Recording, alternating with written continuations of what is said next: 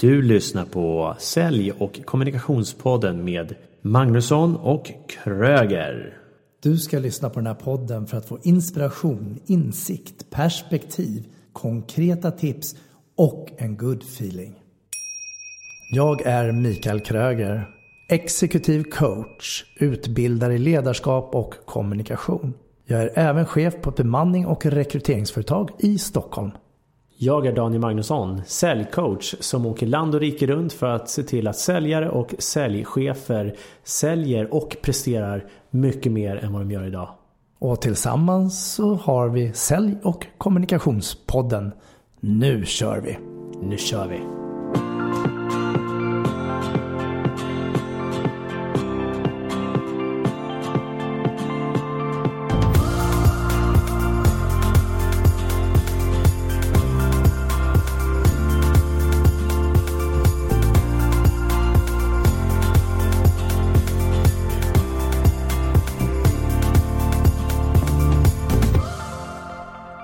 Välkomna till avsnitt 18 och idag ska vi prata om hållbart ledarskap och sälj. Och jag är Mikael Kröger. Och jag är Daniel Magnusson. Och vi har en gäst i studion idag som Ingvar Olsberg delade ut pris till för årets entreprenör 2015. Entreprenören som har brutit ny mark för innovativa lösningar i återvinningsbranschen. Otroligt skicklig på miljöfrågor och design.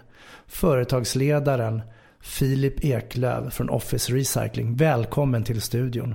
Tackar, kul att vara här. Du startade ju Office Recycling 2011. Ja. Och idag är ni 22 anställda. Berätta, hur fick du idén till att starta Office Recycling? Eh, jag började jobba väldigt tidigt redan som 11-åring. Eh, och eh, jobbade mycket med flyttar. Fick hjälpa till att hålla upp dörrar och hissdörrar och, och så. här. fick en tia i timmen. Eh, sen fortsatte jag i den branschen kan man säga och började som 19-åring köra budbil. Eh, åkte runt i stan, hämtade kuvert och paket och, och hjälpte företag att köra saker. Jobbade mycket med reklambranschen. Eh, och de förbrukade och slängde mycket grejer kan man säga. Eh, så att det blev väldigt mycket stora lass med, med sopor vi kör bort. Och började fundera på hur kan vi hjälpa de här att få bort det här kontinuerligt ur eh, kontoren. Då. Eh, kolla vad som fanns på marknaden och, och hittade tre saker jag kunde förbättra. Det var miljön, eh, designen. Folk ville ha snygga kärl på kontoren. Så man kunde sortera tillgängligt. Eh, det som fanns på marknaden var fula soptunnor. Miljömässigt var våra kollegor i branschen de körde runt på sina sopbilar som går på diesel. Vi satsade på att bli helt fossilfria istället. Eftersom det går att göra idag. Eh, sen var det eh, servicen. Servicen var ganska gammal, det är en ganska konservativ bransch. Eh, väldigt anpassad efter vad företagen vill ha. Vi kommer på tisdag nästa vecka när vi åker förbi. Inte som i budbilsbranschen när kunder ringer så åker man dit och hämtar pengarna. Eh, så det var det som var starten på Office Recycling. Eh, och sen har vi väl blivit bättre sen dess och gått över 1200 kunder i Stockholm nu. Wow, men det är ju kaxigt för jag menar som du säger, det är en konservativ bransch mm. med sopor och så, och så kommer ja, du då, lilla uppstickan och förändra branschen och få priset också. Mm. Just av Ingvar Oldsberg. Och så hörde jag att du fick en uh, Bingolott av honom också. Ja, jag faktiskt spelade Bingolotto då, den på söndag. Jag missade B1 men spelade B2 och B3. Och jag vann tyvärr inte. Det känns som att du brinner extra mycket just för hållbarhet mm. och miljö. Vad är det som gör att det intresset finns? Jo, alltså vi har ju en värld som vi förbrukar alldeles för fort. Eh, jag har ju barn. Jag vet ju att vi måste lämna någonting till dem också. Eh, och jag vet ju också att folk vill konsumera. Så det handlar ju om att hitta ett sätt att folk kan leva på konsumtivt sätt liksom, och eh, ändå eh, inte påverka kretsloppet allt för mycket. Alltså allt hänger ju på att allt vi köper ska in i kretsloppet igen och bli en ny produkt. Som returpapper kan ju bli nytt papper upp till sju gånger innan fibern försvinner. Eh, metall nästan evinnerligt. Så att med bättre kretslopp och allting kommer in. Då kan vi på något sätt eh, ställa upp den här planeten så den överlever. Eh, och det är väl en av mina drivkrafter. Att faktiskt kunna göra någonting konkret för miljön. Och i och med att vi är fossilfria till exempel. Det gör ju att folk eller företag väljer oss. De gör ett aktivt val. Att välja bort ett oljeberoende som våra konkurrenter är. De kör på dieselbilar. Och oljeberoende är kopplat till krig. Så att företag som går över till oss, de, de gör ett aktivt val för, för just faktiskt miljön. Och så det här med miljö. Vi pratar mycket om miljö och miljöpåverkan och vad varje människa kan göra och inte ska göra. Ska vi källsortera? Ska vi inte göra? Och hur orkar vi med alla de här bitarna? Det är ju en fråga. Men den jag är nyfiken på, vad, liksom, du fick ju det här intresset någonstans. Och vad kan du om miljön då? Mindre än man kan tro kanske. Eh, jag har förstått eh, eh, vikten av att faktiskt återvinna saker man använder. Vi har ju otroligt mycket saker hemma som måste komma tillbaka. Just källsorteringen är superviktig. Jag, när jag började källsortera hemma kommer jag ihåg. Jag blev helt chockad över hur mycket plast som, som jag faktiskt förbrukar. Samma med, med papper. Alltså man får så jäkla mycket reklam hem. Och när, när man samlar allting och börjar mäta då inser man hur mycket bara ett hushåll eh, fyller på. Um, så att då får man, för, ja, för mig blir det lite mer en uppenbarelse hur mycket jag förbrukar hemma. Uh, och när det kommer till företag som är ännu värre. Uh, leveranser, det är liksom stora lådor, det är hur mycket som helst. Så att uh, mitt miljöintresse ligger ju faktiskt i konkret att kunna göra saker bättre för miljön. Uh, som vanliga människor förstår. Jag tänker, jag har ju en vald sanning att även om jag sorterar på kontoret eller hemma och sen någonstans så hamnar i ja, diverse olika sopkärl eller pappersinsamling och annat. Och, och är det inte så att allting går i samma sen på något sätt? det, det, det, det, är en del som tror det. Det är en valsanning. Eh, och, men jag kan säga i vårt fall vi förlorar pengar på allt som inte är sorterat. Det kostar oss att bli av med. Så att vi, vi hämtar in allting sorterat och så tradar vi materialen. Så att det ska bli nya produkter. Allting som behöver energiåtervinnas. Eh, som då inte går att förlänga livslängden på mer än en gång. Eh, det är en kostnad för oss. Så att eh, det där är ju en, eh, det är en sån här gammal urban legend som ligger kvar. Eh, många tror att det, det händer. Och tyvärr så händer det idag att, att någon står och filmar på, på sin balkong när det kommer någon sån här komprimator-sopbil och skickar ner allting i. Och det är för jäkligt. Så får det faktiskt inte gå till. Men jag tror att mest av allt faktiskt, de i våran bransch sköter sig. Och gör rätt helt enkelt. Så att jag tycker verkligen folk ska fortsätta återvinna hemma. Och särskilt på kontoren. Eh, det var någon forskningsrapport jag läste någon gång om att det var på jobbet folk lär, lärde sig sortera. Så att men företag kan lära sig att sortera ännu mer, det vet jag. Jag tänker också att det där handlar lite om lathet och ett rättfärdigande. Jag rättfärdigar min lathet och säger att ja, men det där jag har hört att det där alla, allting åker i samma sopkorg i alla fall. Eller på soptippen. Men det, det är lite där, alltså återvinning måste vara byggd lite på lathet. Det ska vara enkelt att återvinna, då gör folk det. Eh, och det är väl lite vårt vinnande koncept att vi skapar ju designade kärl som står i kontoret tillgängligt till personalen att sortera. Och då gör folk det, för att det är så enkelt och kommunikativt. Men så fort det kommer till att du ska gå upp för en trappa eller liksom, det blir lite jobbigt för folk, då, då, kan, då, då är det inte lika lätt att göra. Så att eh, i hushållen så eh, tror jag att det faller mycket där. Att man ska gå iväg till en container någonstans och sådär. Eh, tyvärr så eh, har vi ett sopmonopol som, som bestämmer var hushållssoporna ska gå. Och hade inte det funnits så kanske folk, något företag hade kunnat hjälpa privatpersoner och faktiskt komma hem och hämta hemma hos dem. Mm. Eh, för de som inte har soprum till exempel, har möjlighet att sortera eller har möjlighet att faktiskt ta sig till en container och lämna. Vi har ju mycket pensionärer, liksom många grupper människor som inte alltid har så lätt. Så miljön tog du ansvar utifrån eget intresse egentligen då? Ja. Och eh, jag har ju sett en del av dina kärl som står ute på olika kontor och de är ju rätt snygga och de är väldigt olika. Men, mm. men då helt plötsligt tänker jag, men du är ju designer också. Hur, hur kom du på de idéerna? Hur kan du göra sånt? Jag vet inte. Så du blir, jag tar fram ett papper och en penna och så börjar jag rita på någon sorts funktion som jag vet att eh, kunder skulle, skulle uppskatta. Eller fångar upp på något sätt eh, vad, vad företaget eftersöker eller vad som kan underlätta. Och så börjar jag rita. Och sen går jag till någon snickare och så kan vi göra en demo. Jag vill att kanterna ska se ut så här. Och så börjar jag tänka och så bygger vi liksom riktigt schyssta designmöbler. Eh, som ska vara till ett vettigt pris och närproducerat också. Eh, och byggt här i närområdet. Eh, och det har funkat jäkligt bra. Eh, och blivit jäkligt populärt. Men det har vi just kunnat det är också en av våra liksom, fördelar. Vi skräddarsyr efter kundens behov. Eh, efter kundens utrymme eh, och så istället för att ha bara helt generaliserat eh, som alla måste anpassa sig efter. Det är väl det som vår bransch hade missat lite. Att man anpassade sig inte efter kundens behov utan bara till sitt eget, sina egna möjligheter. Och i alla andra branscher måste ju anpassa sig efter kundens behov, annars är det kört.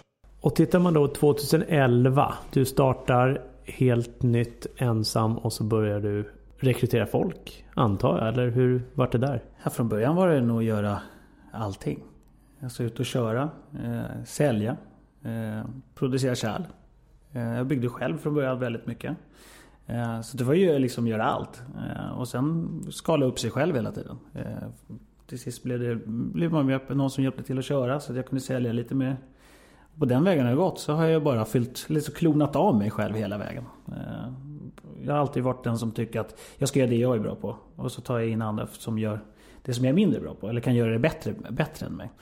Mm. Och det är väl då jag har skalat av de bitarna som jag tycker någon annan kan göra bättre. Så vad är du bra på då? Eh, det visionära. Eh, jag älskar att kunna se framtiden och se vad jag kan göra bättre. Eh, jag känner att jag är duktig på att bygga organisation och se vad, vad, vad som organisationen hela tiden behöver bli bättre på. Vara proaktiv så sätt och se att allting finns innan det behövs. Det ser jag som en styrka. Och att hitta duktiga medarbetare. Det, det känner jag att jag eh, nästan imponerad av mig själv faktiskt. Om man får klappa sig själv på axeln. Klart du får. Så att, ja, det är en, en styrka faktiskt. Så vi har byggt ett jäkligt bra team. Ja. Så vad skulle du säga, vad är nyckeln där då? Att hitta bra medarbetare? Högre syfte. Alltså hitta medarbetare som vill vara med på resan. För vi har ju en väldigt kul resa som, som växer som startup och det händer mycket och så. Eh, men också att, för det vi gör, vi har, vi har ett högre syfte. Vi gör det här av miljöskäl. Eh, det är liksom det viktigaste för oss. Eh, och att folk, personer alltså, som ansöker, att de passar in i det. Att de känner att ja, det här vill jag vara en del av. Då, då tänker jag igen så här, om du sitter i en intervju, hur kan du tyda det? För att den som sitter där kan ju, ja, har ju läst på er hemsida och så vidare. Och... Ja, men det är förvånansvärt många som inte har läst på någonting om företaget att de ska börja jobba hos kan jag säga. Ja. Man blir nästan chockad. Eh, varför har du sökt oss brukar jag ställa frågan och så brukar det nästan bli stumt ibland.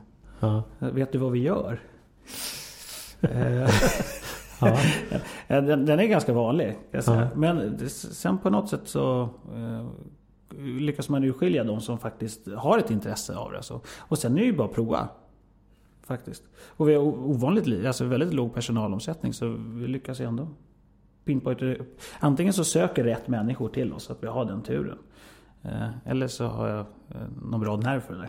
Och vad, vad är nyckeln i ditt ledarskap då? För att nå så här långt och så här bra som du har gjort? Jag tror min drivkraft. Jag är väldigt driven i det jag gör. Lever som jag lär. Eh, det tror jag är väldigt viktigt av en ledare att man, man gör det man säger att man ska göra. Eh, och även till exempel min tjänstebil. Jag kör en 100% elbil, en Nissan Leaf till exempel. Eh, Medan en annan entreprenör kanske skulle köra en stor SUV Liksom istället. Eh, jag, skulle, jag skulle aldrig kunna göra det för att det skulle vara så inkongruent med mitt ledarskap. Eh, jag utgår alltid vad som är bäst för företaget. Eh, istället för mig privat som person. Eller eh, så sätt. Och det tror jag är en nyckel. Alltid utgå från vad som är bäst för företaget. Och det är ju oftast ta hand om personal och de här bitarna. Leva som hållare. Hur skulle du beskriva hållbart ledarskap om du skulle sammanfatta det med tre punkter? Det är en person som tar hand om de som jobbar då med personen. Alltså man tar hand om sina medarbetare. Det tycker jag är väldigt viktigt ledarskap. Eh, att vara en förebild för dem. Eh, sen att, att eh, man gör rätt ifrån sig. Man hittar något, något högre syfte i det man gör. Så att de som jobbar med en tror på det man gör. Eh, det tror jag är väldigt viktigt. Sen tror jag det är viktigt att eh, medarbetarna ska kunna utvecklas på jobbet. Det tror jag är ett väldigt viktigt ledarskap. Att, eh, att se till att de som vill utvecklas faktiskt har möjlighet att göra det. Sen finns det ju de som inte vill det. Och det är ju helt okej okay det med. Men ändå se förutsättningarna som behövs ibland. Det tror jag är en viktig punkt också. Förra avsnittet pratade vi skillnaden mellan chefskap och ledarskap. Mm. Vad, vad är din syn på det? Alltså en ledare är beredd att kavla upp armarna själv och visa vägen. Mer än en, en, en, en chef som som dikterar vad alla de ska göra. Helt enkelt. Det är väl den vanliga definitionen av det. Jag är väl den typen som kavlar upp ärmarna och, och vet när eh, vi har högsäsong till exempel. Det kan vara att liksom, vi förlorar eh, några dagar på en vecka. Det blir röda dagar. Som under påsk nu till exempel. Eh, då kan det bli väldigt mycket. Eh, och då är jag också den som står där ute på anläggningen och hjälper alla på eftermiddagen. Och, inte den som går hem tidigast. Eh, utan faktiskt är med. Mm. Det tycker jag är ett bra ledarskap. Och det är så jag förväntar mig av alla de som jobbat och så att vi alla hjälps åt i teamet. Faktiskt, hur stora vi än blir. Så, så ska den, det är väl lite IKEA-modellen, man börjar på lagret och, och lär sig liksom hela vägen upp. Den tror jag är viktig för... Så gör vi i vår organisation, alla får prova de olika uppgifterna för att förstå varandra. Eh, hur, vad alla gör helt enkelt. Det är intressant. Jag, jag tycker också att ledarskap är ju någonting som man kan ha utan att man har en titel på det. Ja. Så att, och det, då blir det ju mer som en, en eh, självgående maskin alltihopa. Ja men det har du nog rätt i. Alltså det, man behöver inte få det på visitkortet för att vara det. Eh, ledare kan dyka upp i grupper från, från ingenstans.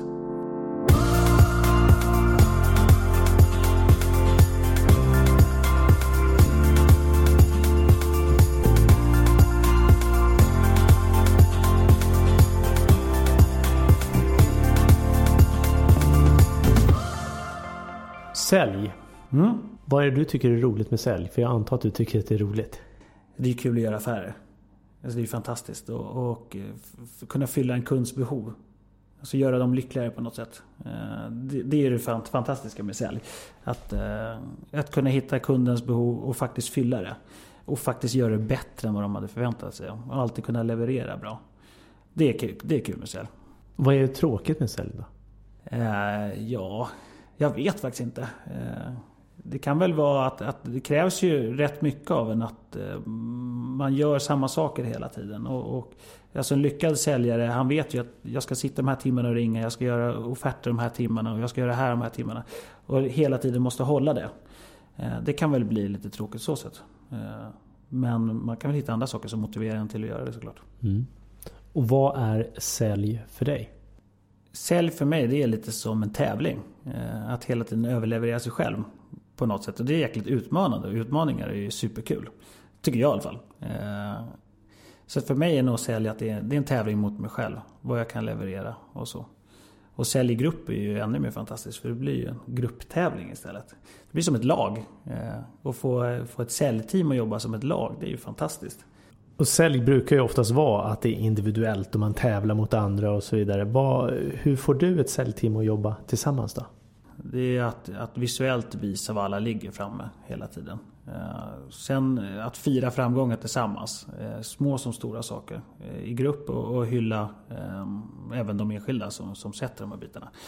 Och jag tror att, jag tror att man ska inte snåla i, i beröm. Eller lyfta fram de som, de som säljer faktiskt. Man ska ha bra, kul priser liksom. Eller förmåner eller vad det nu kan vara. Det tror jag är jäkligt en framgångsrik... Tänk, det funkar för oss i alla fall. Och pratar du priser då individuellt eller priser i grupp? Man eller kan både och. Både och. Ja. Det är, alltså när en grupp tävlar med varandra mot ett mål så kan det ju bli så jäkla bra. Det är superhäftigt. Det är som vilket fotbollslag som helst. De tävlar ju mot att vinna kuppen och de behövs ju allihopa på, på plan för att det ska funka. Så att, och jag har ju aldrig hållit på med sport i princip. Så att, men jag förstår de där metaforerna i alla fall. De är ju superbra. Mm. Ja, jag skrev ett inlägg här för ett tag sedan om just eh, att ensam är inte stark. Utan det är ju tillsammans som vi blir starkare. Och det refererade just till myror. Mm. Och titta där hur, hur de samarbetar för att nå framgång eller nå sitt mål med vad det nu kan innebära. Mm. Det är superviktigt att eh, för att eh, man kan ha en dålig dag och då kan resten av teamet hjälpa en upp. Eh, coachen och finnas där. Jag kommer ihåg själv när man sålde själv. Det var rätt tungt. Samtidigt för sig gjorde jag en massa annat också. Men det är ändå det är roligare i grupp. Det är alltid roligare i grupp. Så det finns andra man kan prata om det man gör. Eh, det gör så himla mycket på jobbet. Jag tror att det är superviktigt för alla företag som eller för alla entreprenörer som bygger företag att, att, att satsa på att bygga en riktig säljorganisation och inte träva med en säljare eller så utan verkligen utveckla. Våga satsa på att anställa som i alla fall har två, tre säljare eller liknande. Ja, ja. Mm. kommer de upp i teamet så blir det, blir det bättre. De är enklare att hanteras också. Vad, vad menar du med det då? Ja, men en, har man en ensam duktig säljare så kan de bli ganska krav, kraviga. Eh, de, vet, de har en bra förhandlingsposition. En duktig säljare är ju jobbig på att förhandla. De ska ju förhandla om allt. Eh, och är de ensam herre på täppan så då kan det bli eh, extra mycket förhandlingar. Så att det är bättre att bygga ett, ett team. Liksom. Så att det finns flera som, som levererar. Det tror jag är superviktigt. Så på fem år har du byggt ditt 22-mannalag då. Mm. Och eh, om fem år så har du en plan på att vara Great Place to Work vill du ha pris för. Ja. Hur ser bolaget ut om fem år? Då är vi många personer. Eh, vi är väl en 80 personer då ungefär. Eh, Great Place to Work är någonting som vi verkligen vill. Vi vill att alla som jobbar hos oss ska ha jäkligt kul på jobbet. Och man ska trivas på jobbet och man ska utvecklas på jobbet. Mycket sådana mjuka värden. Eh, så det är ett mål som vi har sagt högt då. Vi bestämde det för några månader sedan att det här ska vi nå inom fem år. Eh, så det är en superspännande utmaning. Eh, och det är ju det är mycket man ska tänka på. Allt från lokaler till saker man hittar på och så. Så att vi får leta mycket inspiration från de som har vunnit det. Bland annat. Det gör jag överlag. Jag tittar sällan på kollegor i branschen. Hur de gör. Utan det kan vi redan. Utan jag tittar ju oftast på företag i andra branscher. Hur gör de med sin personal? Eller hur tänker de med sälj och de här bitarna? För det tycker jag är mer inspirerande. Det tror jag är rätt bra att se utanför branschen man själv verkar i. Eh, du säger att du inte tittar på ja, dina kollegor i branschen. De måste ju titta på dig, för du är ju en kaxig liten rackare egentligen som dyker upp och, och tar tag i, i det här med miljöfrågor och bygger ett företag utifrån ditt entreprenörskap. Vad, ser de något hot i dig tror du? Vad säger andra företag om det i din bransch? De måste ju tycka jag är skitjobbig. Eh, alla våra kunder kommer ju från våra kon konkurrenter. Eh, det är sällan vi stöter på något företag idag som inte har återvinning. Alla har valt att gå över till oss från konkurrenter just av miljöskäl, eh, snyggare grejer skäl och, så vidare. Och bättre service. Men tror du att de ligger och siktar på dig då? För du kan ju vara så brudfäg på något sätt och att du är en förvärvskandidat av kollegorna i branschen då, eller konkurrenterna vad du nu väljer att kalla för? Jag har fått den här frågan så många gånger, när ska jag göra en exit? Det är inte mitt endgame. Mitt endgame är att faktiskt göra en förändring för miljön. Eh, och vi brukar säga så här att, att ett av våra högsta syften är att tvinga vår bransch att ställa om till fossilfritt. Och det kan vi bara göra genom att vara en förebild som vi är och faktiskt vi gör det idag. Vi är fossilfria. De kan inte längre säga att nej, eh, det där går inte. Det där är inte uppnåbart. För det är vi sedan flera år tillbaka. Eh, det är dags för dem att ställa om nu och sluta skylla på, på, på de här gamla valda sanningarna. Jag tycker det är jättehäftigt att kunna ta en konservativ, förhållandevis tråkig bransch och stora företag som jobbar med det här som du jobbar med. Så kommer du med ditt lilla bolag innovativt, titta på miljön och design och gör någonting riktigt schysst av det. Ja, det är stor eloge till dig. Jag tycker det är skithäftigt. Det är väldigt kul också. Det var en jäkligt rolig resa. Så Filip, hur ehm, utvecklar du dig själv och ditt ledarskap för att orka med liksom att lära upp andra? Jag, tror, jag har ett intresse av att hela tiden utvecklas och bli bättre. Eh, och på något sätt titta på, se mig själv var jag kan bli bättre någonstans. Så det är allt från olika kurser till eh, läsa mycket böcker. Eh, TED Talks är ju förbaskat kul faktiskt att titta på. Och sen eh, käka middagar med duktiga människor. Eh, där kan man lära sig otroligt mycket. Eh, mycket, mycket, mycket bra konkreta tips eh, i vissa frågor. Eh, jag är med i ett nätverk för entreprenörer också som heter Founders Alliance. Där också kan man hämta upp en hel del eh, eh utveckling. Både businessmässigt och, och personligt Men eh, jag har pluggat kommunikologi till exempel. Eh, varit inne på lite NLP. Eh, ja, bland annat. Så att, ja, jag hittar lite överallt ifrån. Eh, för att bli, jag, jag, tror att den som tror att den kan allt, den kan minst tror jag. Eh, så att mm, jag vill hela tiden bli bättre. Måste jag säga. Och för något år sedan så gick det också UGL, utveckling, grupp och ledare. Ja. Vad förändrades hos dig efter det? Det var häftigt att se hur en grupp kan förändras. För Eh, genom att en person klev in eller klev ut eh, och alla olika personer och så. Det gav mig väldigt mycket insikter i eh, som jag haft med mig sedan dess måste jag säga. I mitt ledarskap. Och kunna förstå vad som händer. Särskilt vi är ett företag som växer väldigt mycket och det kommer in nya personer. Och så fort det kommer in en ny person så börjar ju allting om lite på noll. Och med den insikten så, så blir det också lättare att, att rekrytera rätt personer. Faktiskt. Ja, det var, det var en bra utbildning.